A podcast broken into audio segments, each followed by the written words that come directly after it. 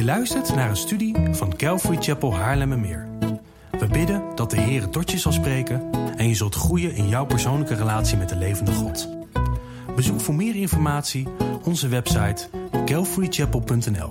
Dat is c a l v a r y c h a p e l.nl.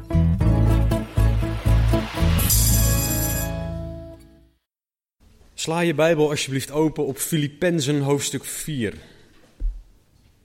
We zijn vandaag aangekomen bij het laatste hoofdstuk van de Filippenzenbrief. En we zullen vandaag ook de brief aan de Filippenzen afmaken. Het is tot nu toe een hele bijzondere reis geweest, vind ik. Ik heb er zelf een hoop door geleerd. En het is, het, het is een brief van Paulus terwijl hij gevangen zit in Rome. Hij zit gevangen, hij zit namelijk in huisarrest vastgeketend aan een Romeinse soldaat. En in die vrijheid die hij daar heeft, schrijft hij brieven, onder andere deze aan de Filippenzen.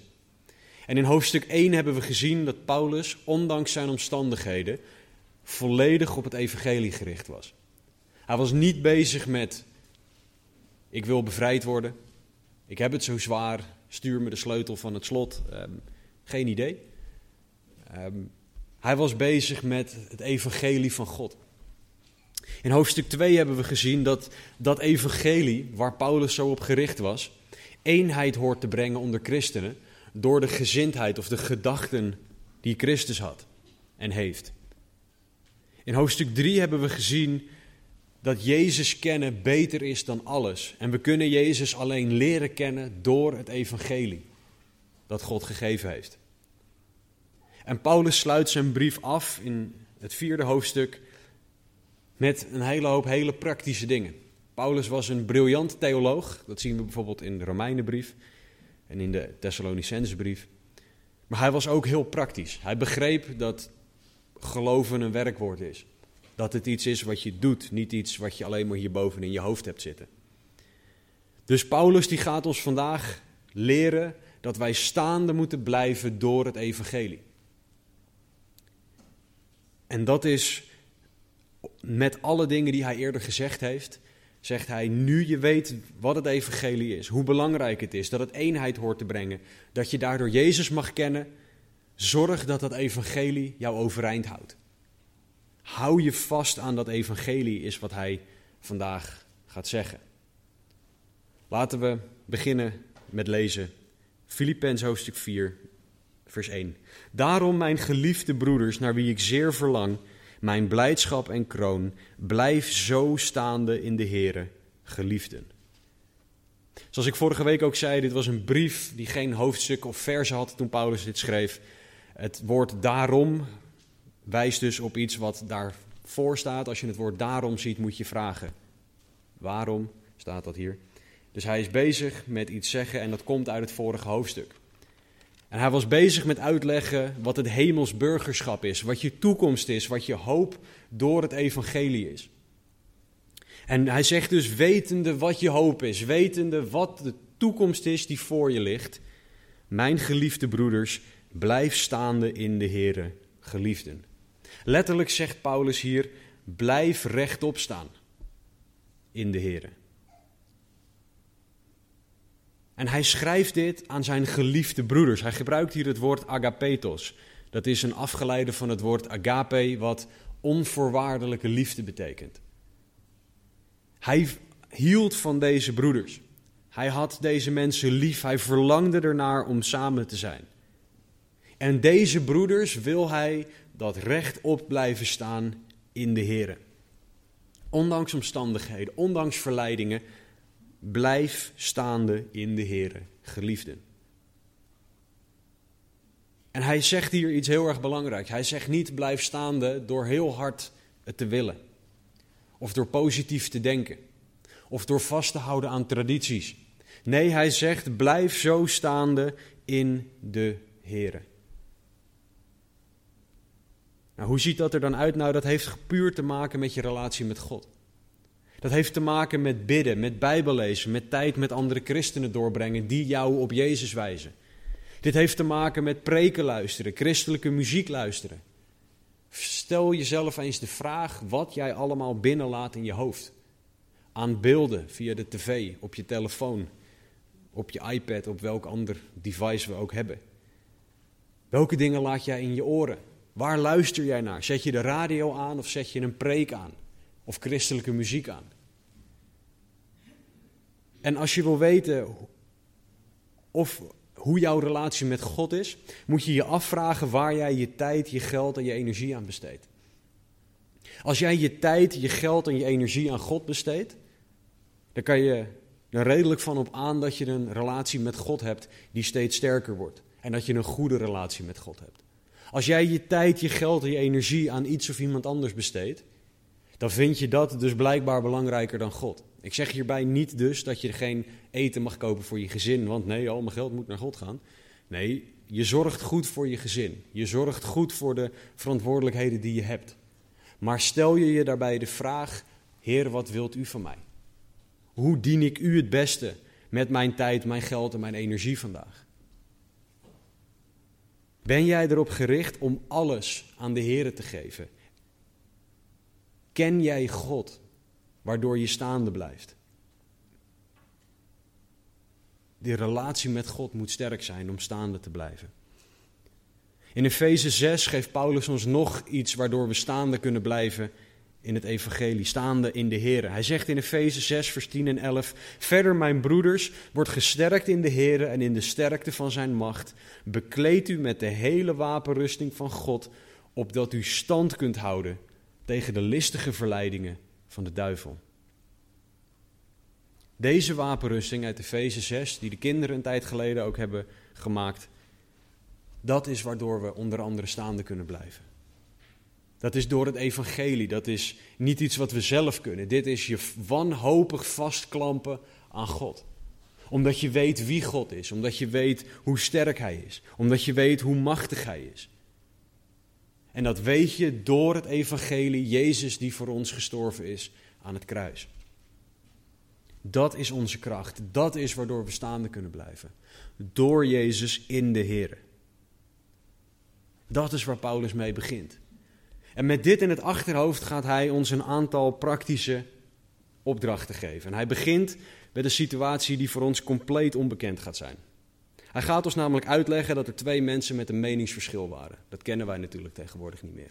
Zeker in Nederland met onze totaal niet uitgesproken meningen. Nee, Paulus die spreekt hier twee vrouwen aan. Ik laat in het midden waarom twee vrouwen, blijkbaar was dit de situatie. Um, maar hij spreekt hier twee mensen met een meningsverschil aan die problemen veroorzaken in de kerk. Hij zegt in vers 2 en 3: Ik roep Eodia, ik hoop dat ik dat goed uitspreek, en ik roep Sintige ertoe op eensgezind te zijn in de Heer. Ja, ik vraag ook u, mijn oprechte metgezel, help deze vrouwen die samen met mij gestreden hebben in het evangelie, ook met Clemens en, met, uh, en mijn andere medearbeiders, van wie de namen in het boek des levens staan. Deze vrouwen die waren niet meer eensgezind. Maar ze hadden eerst gestreden in het evangelie, zegt vers 3. En nu moeten ze toch aangesproken worden op eensgezind zijn in het evangelie. Paulus zegt dat ze één van gedachten moeten zijn. Hun gedachten moeten gericht zijn op God. En als je dat allebei doet, dan zal je geen meningsverschillen hebben waardoor je, waarvoor je aangesproken moet worden in een brief als dit. Bij elk meningsverschil waar ingrijpen van buitenaf nodig is, is er geen eenheid van gedachten en zijn de gedachten niet op Jezus gericht. Deze dames waren het evangelie en de eenheid die dat hoort te brengen uit het oog verloren. Het ging hier om henzelf, om gelijk krijgen, in de plaats van dat het om Jezus ging. Wanneer jij in een meningsverschil zit met een broeder of een zuster, dan moet je je afvragen of het evangelie nog centraal staat. Of jij nog één van gedachten bent met deze broeder of zuster. En als het antwoord daarop nee is, dan moet jij je bekeren. De ander ook, maar het begint bij jou. Jij moet je bekeren van dat jij niet meer het evangelie centraal hebt staan. En allebei moet je terug naar het kruis. Terug naar het evangelie. Terug naar Jezus die voor jou gestorven en opgestaan is.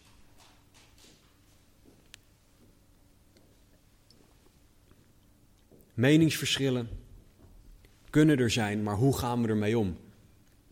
Paulus wil dat ondanks alle mogelijke meningen die er zijn, er eenheid is. Eén van gedachten in de kerk. Paulus zegt hier niet eenheidsworsten, iedereen moet gelijk zijn. Nee, hoe gaan we om met zo'n situatie, is wat hij hier aangeeft. Ik roep, er, ik roep u ertoe op eensgezind te zijn, zegt hij in vers 2. Eén van gedachten. Dat is wat nodig is. In vers 4 geeft Paulus ons het volgende onderwerp over staande blijven. Als wij staande willen blijven in deze wereld, in deze wereld die ons af wil trekken van Jezus, zegt Paulus vers 4, verblijd u altijd in de Here. Ik zeg het opnieuw, verblijd u. Paulus spreekt hier aan hoe de christen dagelijks is. Want Paulus die dit schrijft, die zat zelf gevangen. Vastgeketend aan een Romeinse soldaat, 24-7. En toch zegt hij bijna vaker dan wat dan ook in deze brief dat hij blij is. Dat hij zich verblijdt in de Heer. Dat hij blij is met wat God aan het doen is. Dat hij blij is met Gods kinderen, blij met het evangelie, blij met de verspreiding ervan, et cetera, et cetera. Paulus heeft geleerd om zichzelf altijd te verblijden in de Heer. En dat heeft hij door situaties heen geleerd. Bijbelcommentator of predikant Spurgeon uit de jaren 1800, die heeft het volgende gezegd over verblijd u in de Heer. Hij zegt mensen die blij zijn, vooral zij die blij zijn in de Heer, zijn niet geneigd om aanstoot te geven of te nemen aan iets of iemand. Vreugde in de Heer is het geneesmiddel voor alle onderlinge strijd. Ik weet niet of het jullie wel eens is opgevallen, maar mensen die vreugdevol zijn in de Heer zijn heel moeilijk om ruzie mee te maken. Want ze verblijden zich in de Heer, dus het maakt ze niet zoveel uit zolang God groot gemaakt wordt. Vreugde in de Heer is het geneesmiddel voor onderlinge strijd. Hoeveel vreugde in de Heer heb jij? In elke situatie kan jij blij zijn omdat God God is. Want dat is wat Paulus hier zegt. Hij zegt niet: Ik wil dat je je blij voelt. Of dat alles roze geur en maneschijn is. En dat alles liefde is. En alles is fijn. Nee, hij zegt: Ik wil dat je je verblijdt. Hij geeft een opdracht. Ik wil dat jij blij bent. Hij zegt hier een actieve opdracht in het Grieks. Je kiest om je te verblijden, is wat Paulus opdraagt. God zegt hier niet dat we blij moeten zijn met elke situatie. We hoeven niet blij te zijn als het slecht gaat, als mensen ons pijn doen, als we in moeilijke omstandigheden zitten. Maar we moeten blij zijn in elke situatie, want God is God.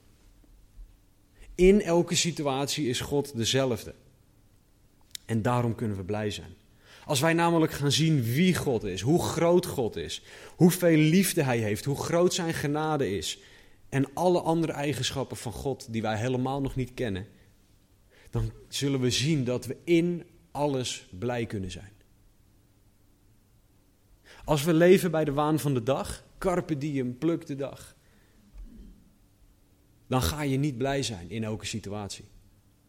Als wij leven in Gods rust en, en Gods constantheid, ik weet niet eens of dat een Nederlands woord is, maar jullie begrijpen het, dan gaan we blij zijn in God.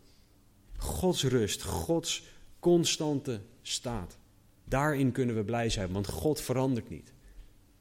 Hebreeën 13:8 zegt: Jezus Christus is gisteren en heden dezelfde en tot in eeuwigheid. Dezelfde Jezus die er was bij, bij de schepping in Genesis 1, is de Jezus die er was in het Bijbelboek Malachi, is dezelfde Jezus die er was in de Evangelie, is dezelfde Jezus in Handelingen 9, die, die Paulus van het paard gooide.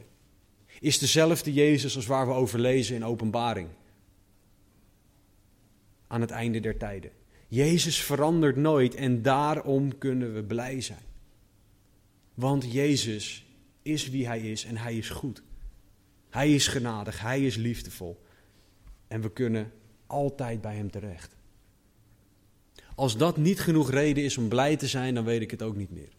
En dat is de keuze die we moeten maken. Verblijd ik me in Jezus om wie Hij is? Of ben ik ontevreden omdat ik naar mijn situatie kijk? Verblijd u altijd in de Heer. Ik zeg het opnieuw, verblijdt u. Het volgende onderwerp over staande blijven vinden we in vers 5. Uw welwillendheid zij alle mensen bekend, de Heere is nabij. Paulus gebruikt hier een heel specifiek Grieks woord voor welwillend zijn. En David Guzik heeft hier het volgende over gezegd. Dit woord beschrijft het hart van een persoon die hun gevechten door de Heere laten vechten. Deze persoon weet dat God zegt, mij komt de wraak toe. Romeinen 12. Dit Griekse woord beschrijft een persoon die echt vrij is om alles dat angst en alles dat stress veroorzaakt los te laten. Omdat deze persoon weet dat de Heere voor hem of haar strijdt. Deze persoon die is vrij om alles dat angst en alles dat stress veroorzaakt los te laten. Als je weet dat de Heer voor je strijdt. Staan wij hierom bekend als christenen? Dat wij niet per se zorgeloos door het leven gaan, want we mogen dingen hebben die er op ons hart liggen. Maar dat we niet te neergedrukt worden door die zorgen, maar dat we ze bij God leggen. Dat wij, wanneer we ons verblijden, dat we welwillend kunnen zijn naar alle mensen. Dat we alles aan de Heer laten. Heere, dit is uw gevecht, niet het van mij. Hoe goed ken jij God? Is wat hier aan ten grondslag ligt. Is wat de basis is hiervoor. Als jij weet wie God is, dan kan je welwillend zijn naar alle mensen, omdat je weet, de Heer is nabij. Ik hoef het niet uit te vechten met deze persoon. Deze strijd is tussen God en deze mens, niet, tussen, niet, niet mij. Staan wij hierom bekend? Het volgende onderwerp is vers 6 en 7. Essentieel om staande te blijven in de Heer is een sterk gebedsleven. Wees in geen ding bezorgd, vers 6, maar laat uw verlangens in alles door bidden en smeken met dankzegging bekend worden bij God. En de vrede van God, die alle begrip te boven gaat, zal uw harten en uw gedachten bewaken in Christus Jezus. Zonder gebed zal een christen vallen. Zonder gebed zal jij onderuit gaan. Zal jij vallen voor verleiding? Zal jij vallen voor zorgen, voor angst, voor verdriet, voor pijn, voor wat dan ook?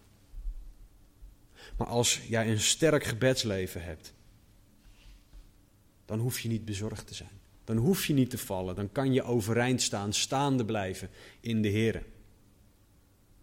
In God, door het evangelie, hoeven we niet bezorgd te zijn.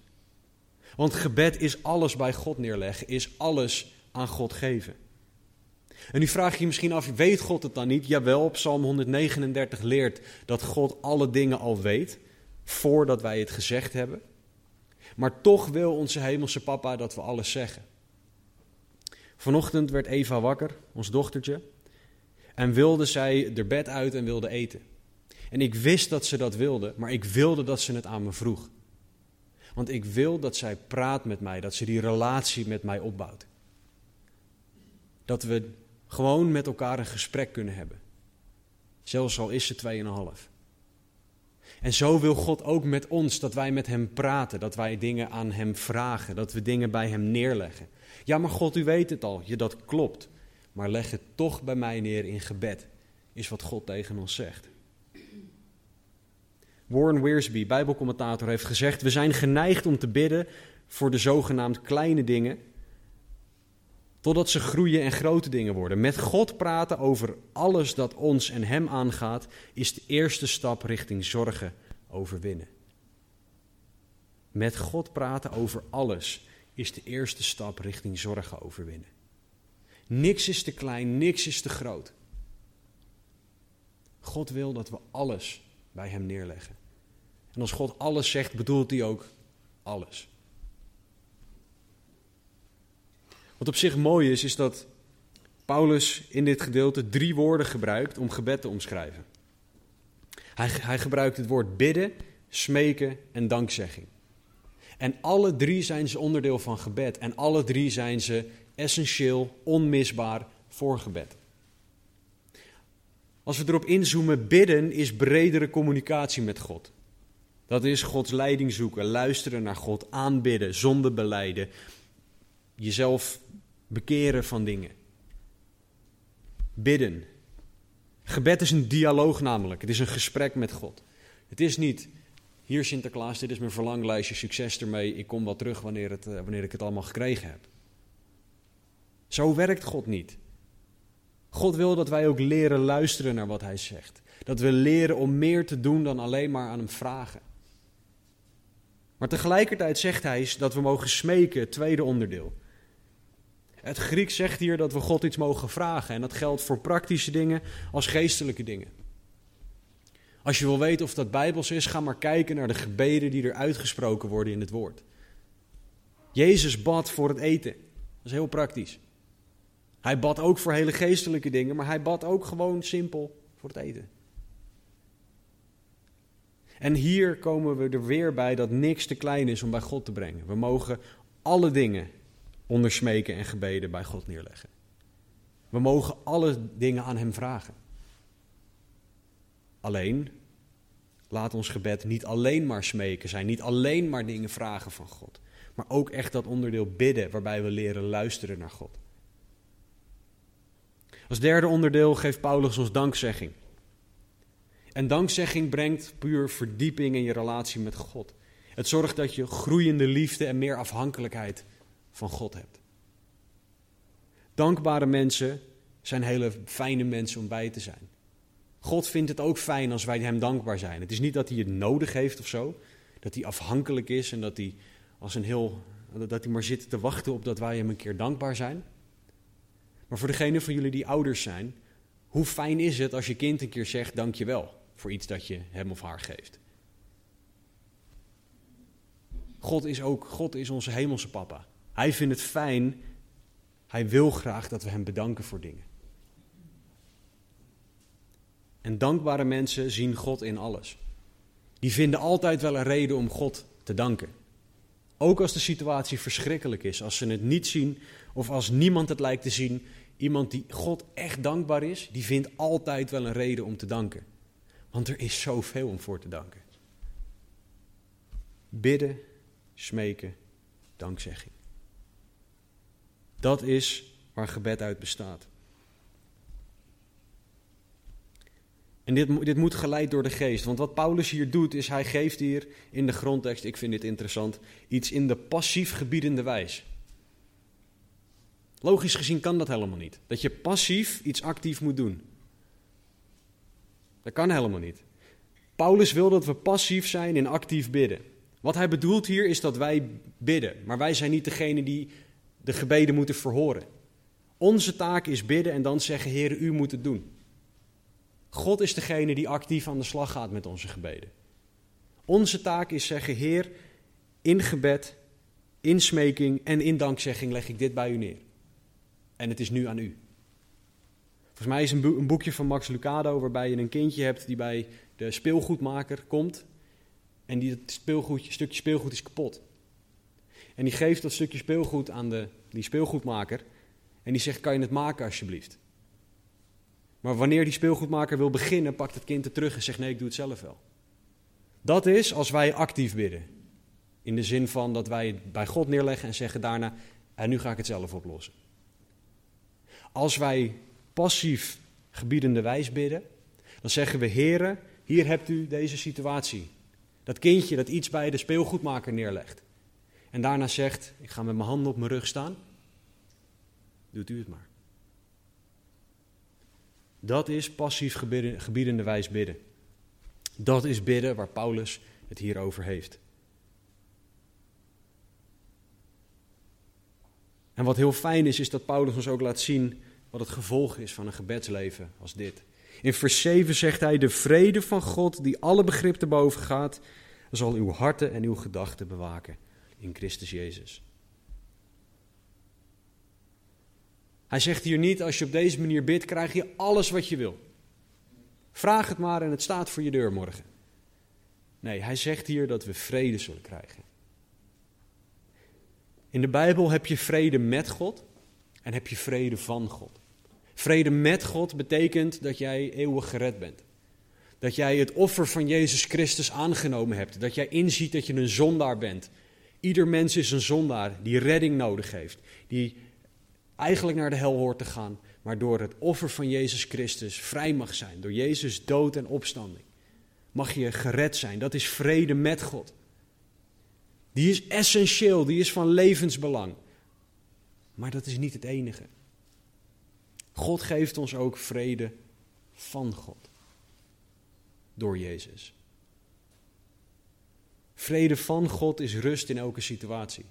Als de wereld om je heen uit elkaar valt, dat jij rust in de Heer hebt. En dat kan alleen als jij weet wie God is. Want dan zal je de vrede van God hebben, omdat je weet dat God dezelfde is. God verandert niet. God zit, zoals we in Jesaja 6 zien, in alle rust op de troon.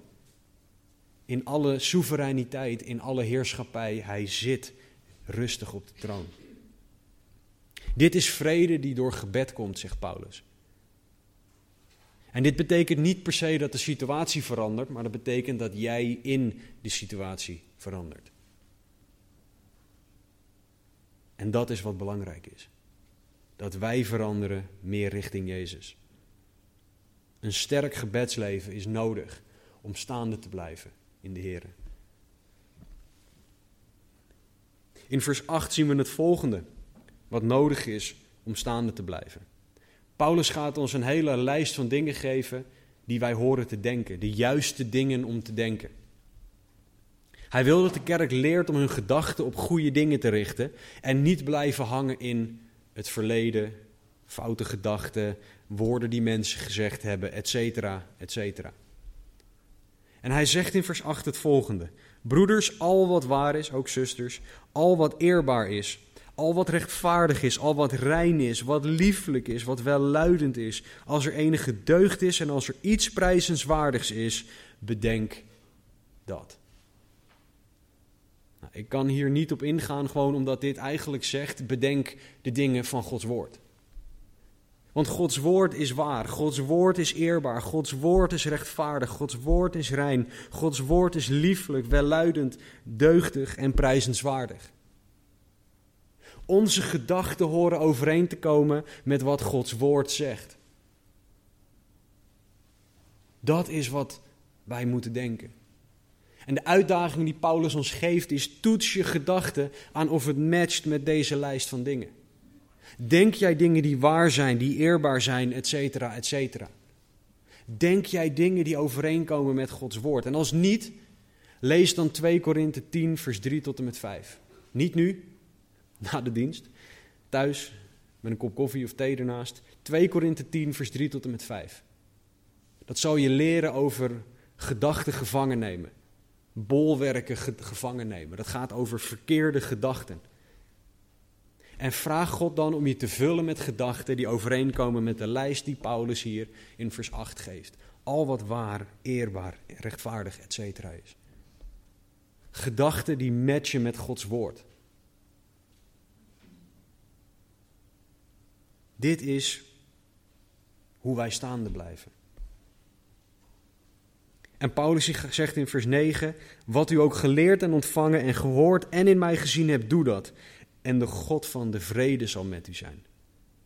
Wat Paulus hier zegt is: volg het voorbeeld dat ik je gegeven heb. Ik dacht eerst, dat is arrogant. Toen zeg ik, kijk mij eens, volg mij na, hoe ik Christus navolg. Nee, wat Paulus hier zegt is, alles dat je onderwezen hebt, dat je onderwezen hebt, of gekregen, dat je ontvangen hebt, gehoord en gezien hebt, dat je op Jezus wijst, doe dat.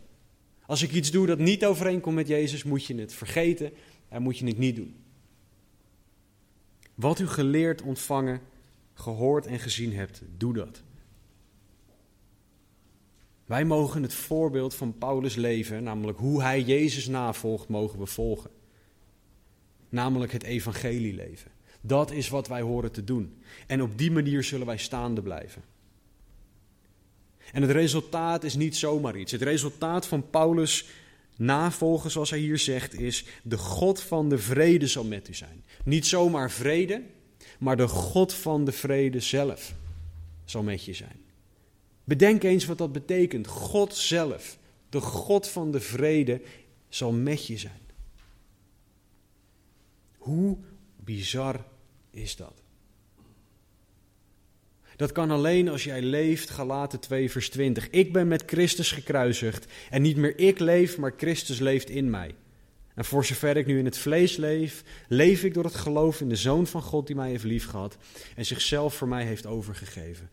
Wij zullen de God van de vrede ervaren als Jezus in ons leeft. Als wij leven naar de wil van Jezus. Als we niet meer doen wat Casper de Haan wil, maar als we doen wat Jezus Christus wil. Dan zullen wij de God van de vrede bij ons hebben en zal Hij ons leiden. Dit is wat nodig is om staande te blijven. Eensgezind, verblijden, welwillend zijn, sterk gebedsleven en je gedachten op God richten terwijl je Jezus in je hebt wonen. Dat is hoe een christen staande blijft in deze wereld, in de Here. Er is geen andere manier om staande te blijven. Niet eigen kracht, niet intellect, niet wat dan ook. Alleen in de Here.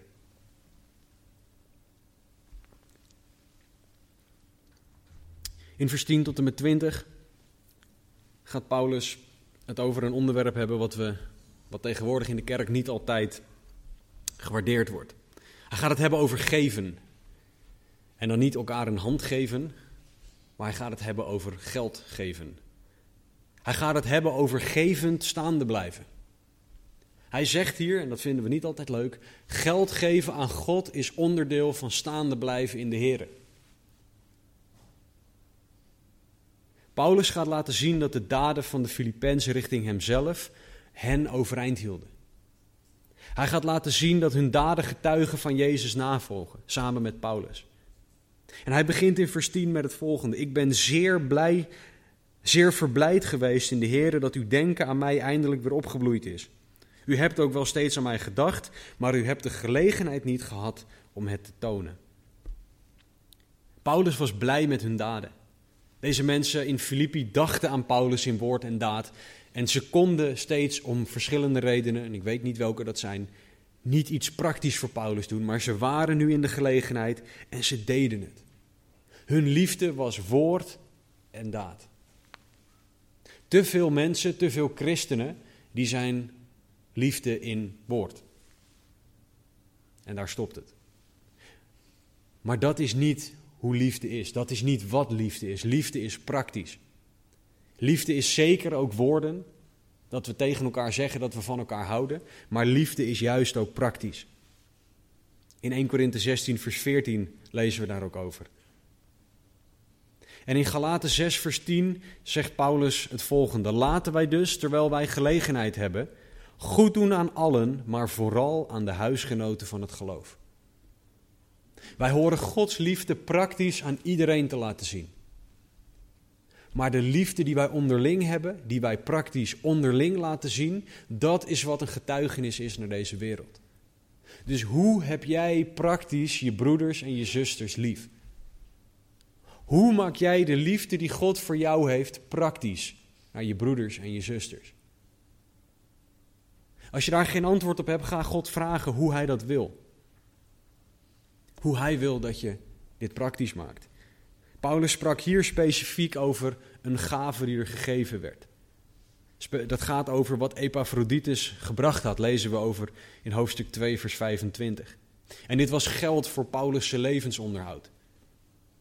Dit is niet iets dat Paulus gevraagd had. Hij zegt in vers 11 van Filippenzen 4: Niet dat ik dit zeg vanwege gebrek, want ik heb geleerd tevreden te zijn in de omstandigheden waarin ik verkeer. Paulus had geen briefje gestuurd met jongens, ik heb echt nu even geld nodig. Paulus vertrouwde erop dat God zou voorzien wat hij nodig had. Paulus zeurde niet over zijn omstandigheden, want hij had geleerd tevreden te zijn. En het Grieks wijst hierop leren door ervaring. Dus Paulus had geleerd om in en door alles tevreden te zijn. Paulus had dingen meegemaakt. In vers 12, ik weet wat het is vernederd te worden. Ik weet wat het is overvloed te hebben. In elk opzicht en in alles ben ik ingewijd. Zowel in het verzadigd zijn als in het honger lijden. Zowel in overvloed te hebben als in gebrek lijden. Paulus heeft geleerd om in alles tevreden te zijn. En hoe heeft hij dat geleerd? Wat heeft hij geleerd? Vers 13. Alle dingen zijn mij mogelijk door Christus die mij kracht geeft. Dit is zo'n vers dat ontzettend uit de context getrokken wordt. Heel veel mensen lezen dit vers en die kijken niet naar wat er omheen staat. En die denken, alles is mij mogelijk door Christus die mij kracht geeft. En daar zit een kern van waarheid in, maar het gaat wel voorbij aan de context. Want de context leert dat Paulus tevreden kon zijn dat die dingen hem mogelijk werden gemaakt door Christus, omdat Christus hem kracht gaf daarvoor. Dit gaat er niet over dat je mensen kan overtuigen, dat je weet ik het wat kan doen. Dit gaat erover dat je leert om tevreden te zijn in elke situatie. Dat is waarvoor Christus de kracht geeft die je nodig heeft, nodig hebt. Paulus vertrouwde Jezus in alles en alles trok hem dichter naar Jezus toe. In elke situatie was hij tevreden omdat God aanwezig was, omdat Jezus Christus aanwezig was. Hij was tevreden in de situatie, want Jezus was bij hem. Dat is wat vers 13 leert. Alle dingen zijn mij mogelijk door Christus die mij kracht geeft. Dit is wat dit vers betekent. In elke situatie tevreden kunnen zijn, ongeacht de situatie, omdat Jezus bij je is. In vers 14 tot en met 18 gaat Paulus in op hoe, hoe, hoe geef je nou, hoe werkt dat? Hij zegt in vers 14: Toch hebt u er goed aan gedaan dat u gedeeld hebt in mijn verdrukking. En ook u, Filippenzen, weet dat in het begin van het evangelie, toen ik uit Macedonië vertrok, geen enkele gemeente mijn deelgenoot werd in de rekening van uitgaven en ontvangst dan u alleen. Want ook in Thessalonica hebt u mij een en andermaal iets gestuurd voor wat ik nodig had. Niet dat ik de gave zoek, maar ik zoek de vrucht die op uw rekening toeneemt. Maar ik heb alles ontvangen en ik heb overvloed. Ik ben geheel voorzien nu ik door middel van Epaphroditus ontvangen heb door wat door u gezonden was, als een aangename geur, een welgevallig offer, welbehagelijk voor God. Geven is een beladen onderwerp, want hoeveel geef je, wanneer geef je, aan wie geef je? Um, en zo zijn er nog duizend en één vragen over geven. Zeker het geven van geld. Ja, Ten allereerste het vers dat wij ook aanhouden, 2 Korinthe 9, vers 7. Geef met een blij hart. Vraag God hoe Hij wil dat je met een blij hart hoeveel, wanneer en aan wie geeft. Wij lezen in 2 Timotheus 5 over dat het goed is dat een kerk geeft aan een voorganger. Dus dat is goed. We lezen hier in Filippenzen dat deze kerk gaf aan een zendeling. Dat is goed. Maar dat zijn niet de enige manieren om geld in te zetten voor Gods koninkrijk. Er zijn manieren die ik niet kan bedenken om geld in te zetten voor Gods koninkrijk. Dus vraag het aan God hoe Hij wil dat je geeft. Zoek God hierin. Maar als we terugkomen op de verse die hier, hier staat. Paulus zegt in vers 17: Niet dat ik de gave zoek, maar ik zoek de vrucht die op uw rekening toeneemt. Hoe dat werkt is als volgt. David Guzik heeft, heeft het volgende gezegd. Dit laat een van de belangrijkste principes rond geven in het woord zien. We zijn nooit armer wanneer we gegeven hebben. God zal namelijk nooit een schuld bij ons hebben. En wij kunnen nooit meer geven dan dat God aan ons gegeven heeft. Paulus zegt: Het is goed voor jullie dat jullie geven. Het maakt niet uit dat ik het ontvang, zegt hij. Maar het is goed voor jullie dat jullie God dienen door te geven aan God wat Hij vraagt. Daardoor gaat God jullie staande houden, want jullie zijn bereid om alles aan God te geven. Vers 19 zegt: Mijn God zal u overeenkomstig zijn rijkdom voorzien van alles wat u nodig hebt in heerlijkheid door Christus Jezus. Dit is het principe van geven. God wil dat wij aan Hem geven en Hij zorgt dat wij genoeg hebben voor wat we nodig hebben. Er staat hier niet: geef 100 euro aan God en God geeft je 1000 euro terug. Of 10.000 euro terug. Nee, er staat hier: God zal u voorzien van alles wat u nodig hebt. Dat betekent dat God degene is die bepaalt wat jij nodig hebt. En hoeveel en wanneer. En dat is vaak wat we niet leuk vinden. Ik ben een echte Hollander, ik hou van plannen. Er nog een aantal mensen die daar ook erg van houden. Ehm,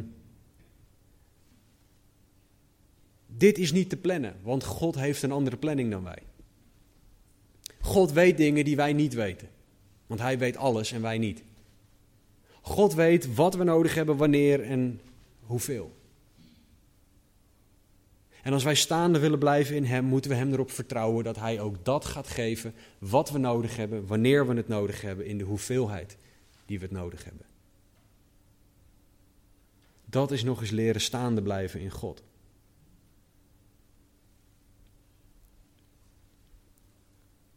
God leren vertrouwen. Leunen op het evangelie, leunen op God.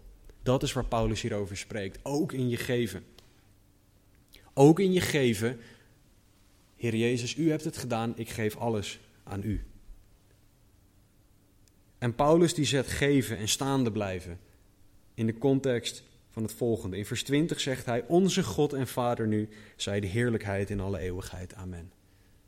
Staande blijven met alle dingen, ook gevend staande blijven, horen tot eer en glorie van Gods naam te zijn.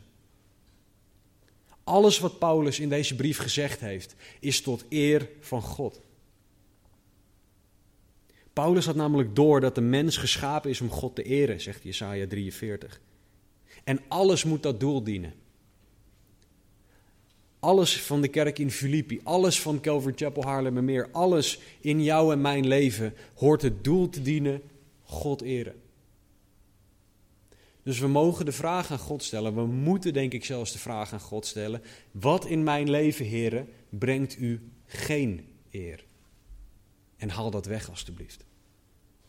En je zal er niet al te blij van worden, soms, wat dat is dat God weg moet halen. Zodat hij de eer weer zal krijgen. Maar staande blijven is tot eer van God. Onze God zij de heerlijkheid in alle eeuwigheid. Paulus sluit de brief af met een fantastisch afscheidwoord. Hij zegt in vers 21: Groet elke heilige in Christus Jezus. U groeten de broeders die bij mij zijn. Al de heiligen groeten u en vooral die in het huis van de keizer zijn. Tegenwoordig hebben wij een ander beeld bij groeten. Zeker wij Nederlanders, dat is een stijf handje in, in een van de brieven, ik weet niet meer precies welke, staat er: groet elkaar met een heilige kus. De Fransen zijn daar een heel stuk beter in. Ook mannen zoenen elkaar daar. Op de wangen, niet op de mond. In Oostenrijk komen we nog wel eens broeders uit Frankrijk tegen. Het is heel bijzonder om dan, als je ze voor het eerst ziet, dat ze je gewoon echt een lekkere dikke pakkert geven. Dat is echt, dat is heel wennen. Maar groeten vroeger ging meer die kant op, want mensen namen de tijd voor groeten. Afspraken liepen uit omdat groeten zo lang duurden. Dat was omhelzen, dat was zoenen, niet op de mond, maar gewoon zoenen. En dat was echt, het, het nam tijd in beslag, elkaar groeten. Niet een stijf handje met hallo, leuk dat je er bent. Dit was een oproep voor onderlinge liefde en respect. En dit is wat onder de heilige hoort te heersen. Dit is wat het evangelie doet in de kerk.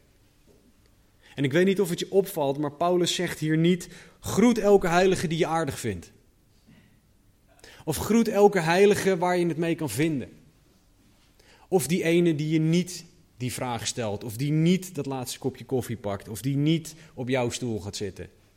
Geen idee. Nee, er staat: groet elke heilige in Christus Jezus.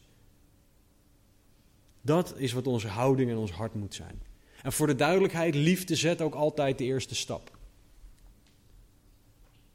Liefde gaat naar de ander toe en wacht niet af.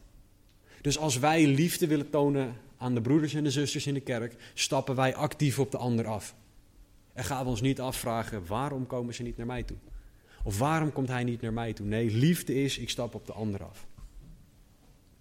En deze liefde heerste ook bij de heiligen die in, van het huis van de keizer zijn. De vrucht van Paulus' bediening. Mensen die tot geloof gekomen waren in het huis, in het huis van de keizer. Paulus die sluit af deze brief met de woorden: De genade van onze Heere Jezus Christus zijn met u allen. Amen. David Guzik heeft gezegd: Paulus zei dit niet om ruimte te vullen aan het einde van zijn brief. Voor hem begint en eindigt het christelijk leven met de genade van onze Heer Jezus Christus. Dus is het passend dat zijn brieven beginnen en eindigen met genade. Genade is in een technische definitie iets wel krijgen dat je niet verdient. Dat doet er ontzettend tekort aan, maar het is iets wel krijgen dat je niet verdient. En dat is wat het evangelie is. Gods redding ontvangen die we niet verdienen. Het offer van Jezus Christus voor onze zonde. Dat verdienen we niet. En dat is genade. De vraag is of jij deze genade kent, of jij Jezus kent. Weet jij dat jij een zondaar bent die genade nodig heeft? Weet jij dat Jezus van jou houdt, voor jou stierf, voor jou uit de dood opstond, om jouw zonde te dragen, zodat jij nu bij God kan zijn? Weet jij dat de straf voor de zonde te veel is voor jou om te dragen en dat daarom God het uit liefde voor jou deed? Neem zijn offer vandaag aan als je dat nog nooit eerder gedaan hebt. Zodat je staande zou kunnen blijven, zodat je overeind zou kunnen staan. En dat je niet continu heen en weer geslagen wordt door alle omstandigheden die er op je afkomen. Als je God al wel kent, als jij deze genade ervaren hebt, blijf jij staande op dit moment. Blijf jij staande door eensgezind te zijn? Verblijd jij je? Ben jij welwillend? Ben jij heb jij een sterk gebedsleven? Zijn jouw gedachten op God gericht? Kan jij gevend staande blijven? Of niet? Word jij heen en weer geslingerd? Word jij achterover gegooid door zonde, door zorgen, pijn, verdriet, etc. etcetera? Heb jij de vrede van God en de vrede met God? Dit is alleen mogelijk als je teruggaat naar het kruis. Dit is alleen mogelijk als jij jezelf voor de misschien honderdduizend miljoenste keer overgeeft aan Jezus. Niet om redding voor elkaar te krijgen, maar om opnieuw terug te gaan naar het evangelie, namelijk onze basis. Om opnieuw terug te gaan en afhankelijk te worden van God, in de plaats van afhankelijk van eigen kunnen. Staande blijven is in de Here, niet in eigen kunnen. Laten we bidden. Heere God, dank u wel. Dank u voor uw woord. Dank u wel voor het kruis. Dank u wel voor uw liefde, voor uw genade. Dank u wel voor uw glorie. Dank u wel dat u naar ons omziet. Dank u wel, Heere, dat u zoveel van ons houdt, dat u uw zoon gegeven hebt. En Heer Jezus, dank u wel dat u vrijwillig kwam voor mij, voor ons, voor een ieder hier. Omdat u zoveel van ons houdt. Heer, wat een voorrecht, wat een genade, wat een liefde. En ik bid dat u op dit moment een ieder zal overtuigen, Heer. Zij het voor het eerst, zij het voor de zoveelste keer van uw genade, van uw evangelie. Heer, overtuig ons alstublieft opnieuw van het kruis. Laat ons zien hoe ver wij afgedwaald zijn van het kruis. En hoe hard wij Jezus nodig hebben, omdat wij zondaren zijn. Wij allemaal hier in deze ruimte. Dank u dan voor het kruis. Dank u voor uw genade. Dank u voor hoe trouw en liefdevol u bent. En het is mijn gebed dat u vandaag iedereen terug zal brengen bij u. Heer, u weet wat er in de weg zit. U weet of het zonde, zorgen, pijn, verdriet, wat dan ook is. Maar Heer, haal het weg. Open onze ogen, zodat we ons kunnen bekeren en terug kunnen gaan naar het evangelie. Zodat we weer staande rechtop kunnen blijven in de Heer. Heer, doe alsjeblieft wonderen op dit moment. Want we hebben u en u alleen nodig vandaag. Want alleen u bent de God van de vrede. Alleen u redt. Alleen u bent genoeg.